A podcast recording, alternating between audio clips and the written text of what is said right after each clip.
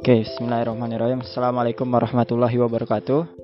Baik, uh, teman-teman ya pertama-tama puji syukur kehadirat Allah Subhanahu wa taala kita masih bisa pada pagi hari ini untuk berkumpul dalam spiritual morning selanjutnya salat beserta salam pada kedua kita Nabiullah Muhammad sallallahu alaihi wasallam.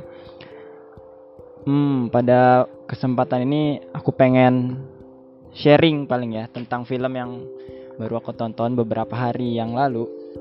Jadi filmnya judulnya The Social Dilemma. Ini film baru dari Netflix, baru rilis beberapa hari beberapa pekan yang lalu nggak salah dan lagi cukup happening juga di internet di beberapa forum-forum media sosial tentang film ini sesuai namanya ya The Social Dilemma jadi film ini tentang sosial media tentang penggunaan media sosial dan dampak yang dihasilkan dari uh, media sosial tersebut. Nah, di awal film ini, film ini membuka dengan sebuah quotes ya. Quotesnya itu if you're not paying the product, then you are the product. Jadi katanya kayak gitu. Jadi kalau misalnya kita nggak bayar sebuah produk, jadi sesungguhnya kita adalah produk tersebut gitu. Jadi ini sama kayak ya rata-rata kan media sosial sekarang gratis ya kita menggunakannya gratis.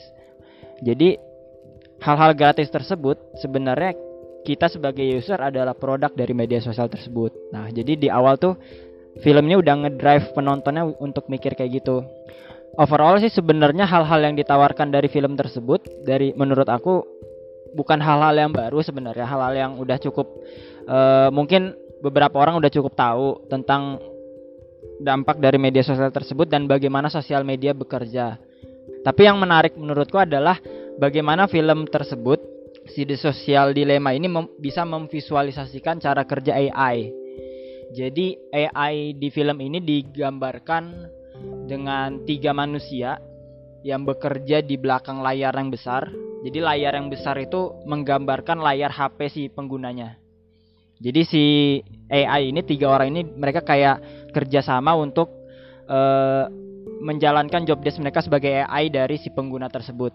Nah, jadi digambarkan bahwa AI ini mereka kan tugasnya me, me, memberikan probabilitas probabilitas kepada si penggunanya kan. Jadi mereka tuh kayak ngasih opsi-opsi. Terus opsi-opsi itu nanti yang bakal dipilih oleh si pengguna sosial medianya.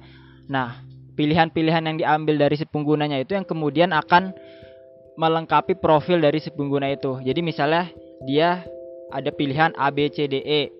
Terus akhirnya dia milih A. Nah, dari A itu dia nanti turun lagi. AB AC AB AC AD dan sebagainya. Terus nanti misalnya dia pilih AB turun lagi gitu dan seterusnya. Jadi ini menjadi modal data untuk si AI untuk AI tersebut membentuk model si penggunanya. Jadi AI ini cara kerjanya dia ngerender model tersebut sampai ke tahapan informasinya itu lengkap lah informasi si penggunanya. Dan ini uh, kalau di film itu digambarkan sebagai sebuah hal yang membahayakan ya. Jadi ketika AI itu memang punya data yang modelnya itu udah cukup uh, ku konkret tentang si penggunanya itu berarti sampai ke tahapan si AI-nya itu udah udah paham luar dalam dari kitanya gitu.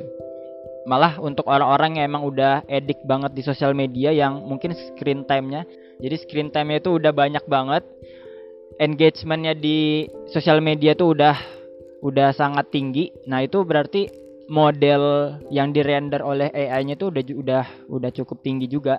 Jadi kan ada tiga hal yang dikejar oleh sosial media. Yang pertama itu engagement, yang kedua growth, yang ketiga itu advertisement. Engagement ini uh, seberapa seberapa sering kita menghabiskan waktu kita di sosial media. Makanya setiap update-update sosial media itu mereka selalu berusaha untuk bagaimana update tersebut bisa menyamankan kita di sosial media tersebut. Contohnya misalnya kayak Instagram kan dulu nggak ada story, sekarang ada story.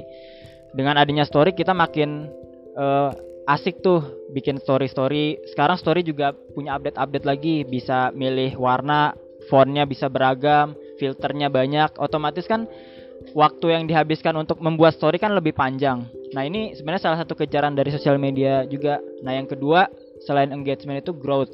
Nah, growth ini pertambahan atau pertumbuhan user. Nah, ketika engagement dan growth ini nah benar benar second account kan kayaknya banyak orang yang sekarang punya second account ya. Aku aku jujur nggak punya sih sebenarnya second account. Tapi kayaknya teman-teman teman-temanku tuh kayak teman-teman kuliah tuh kayak mereka tuh punya second account dan sebagainya gitu. Katanya second account bisa jadi salah satu cara mereka melampiaskan hal-hal yang nggak bisa dilampiaskan di primary account kayak kata sih kayak gitu. Ya akunnya rahasia, tapi akun second accountnya follow teman-teman yang lain juga. Gak tahu, aku bingung.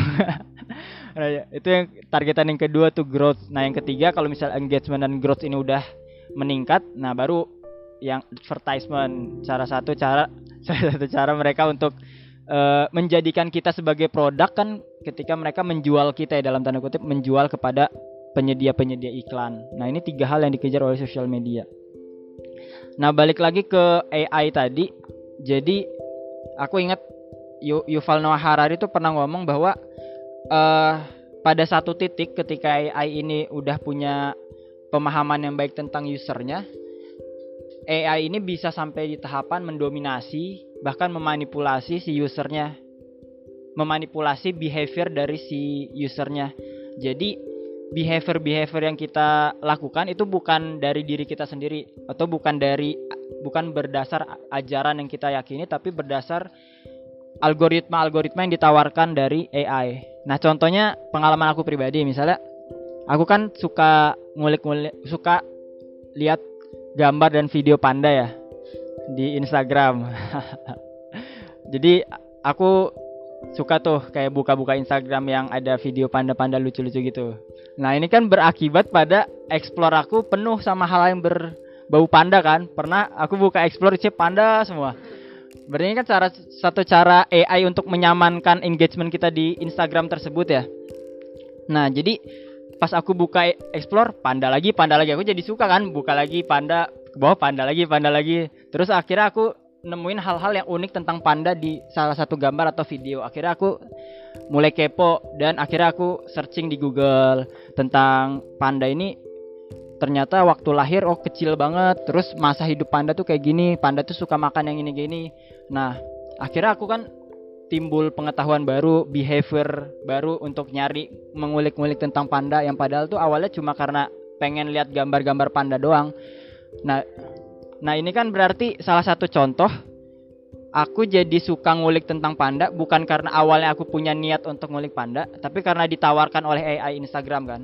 Nah ini salah satu salah satu contoh kecil. Kalau contohnya panda ya, mungkin nggak terlalu negatif-negatif banget kalau panda. Tapi kalau atau kucing ya ada lagi orang lain kucing ya mungkin kalau panda atau kucing gak terlalu negatif negatif banget lah tapi kalau konteksnya misalnya ganti selain panda atau uh, kucing ke hal ke hal-hal yang mungkin punya potensi negatif.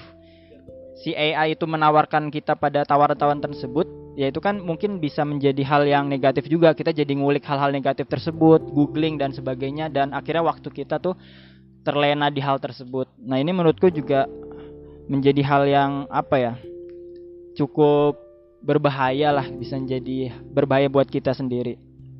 Nah jadi mungkin uh, ya balik lagi ke kita sebagai seorang kalau kita sebagai seorang muslim kan paham bahwa ya kita harus punya ini ya batasan-batasan dalam Islam sebagai koridor hidup kita. Kalau misalnya pakai uh, bahasanya Kang Davi waktu kemarin uh, beliau ngisi bahwa ya kita kan uh, job desk fungsional di bumi ini adalah sebagai khalifah fil art. Jadi dalam artian ya kita, kita harus uh, menjadi penakluk bumi. Jadi dunia ini harus ada di tangan kita. Jadi kalau misalnya kita udah ada mindset kayak gitu, pemikiran kayak gitu ya kita harus sadar bahwa ya yang harus ngontrol dunia ini ya kita bukan AI gitu. Jadi kalau misalnya kita udah kayak kayak udah punya benteng kayak gitu ya semoga kita nggak terlalu terlena lah dengan hal-hal yang ditawarkan internet, sosial media ataupun AI kayak gitu.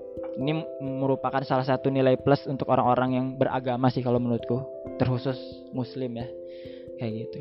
Ya paling itu yang bisa aku sampaikan. Semoga ini jadi salah satu uh, apa ya, pelajaran juga buat kita. Nah, di balik lagi ke sosial sosial dilema tadi jadi di akhir filmnya itu film dokumenter by the way jadi di akhir filmnya itu kan filmnya disusun dari set testimoni testimoni orang-orang yang bekerja di uh, tech industri ya. Jadi ada yang dari Google, Twitter, Facebook. Mereka kasih testimoni-testimoninya, terus diselingi sama drama beberapa. Nah, jadi di akhirnya mereka kayak ngasih pesan untuk meminimalisir pengaruh tersebut. Ya kita jangan terlalu sering terlena atau bahkan kalau bisa menghindari rekomendasi-rekomendasi yang diberikan oleh sosial media. Misalnya di YouTube kan biasanya suka banyak ya recommended for you. Kadang-kadang kita lama di YouTube tuh bukan karena nonton video yang emang kita search, tapi nonton video yang dari rekomendasi, gitu kan. Wih, rekomendasinya kayaknya bagus nih. Terus ada lagi di bawahnya rekomendasi lagi, rekomendasi lagi itu. Jadi jadi ini meminimalisir kayak gitu. Jadi kita menggunakan sosial media emang untuk hal-hal yang kita cari atau hal-hal yang memang kita pengen tahu. Ya gitu. Paling itu yang semoga ada manfaat yang bisa diambil. Terima kasih. Assalamualaikum warahmatullahi wabarakatuh.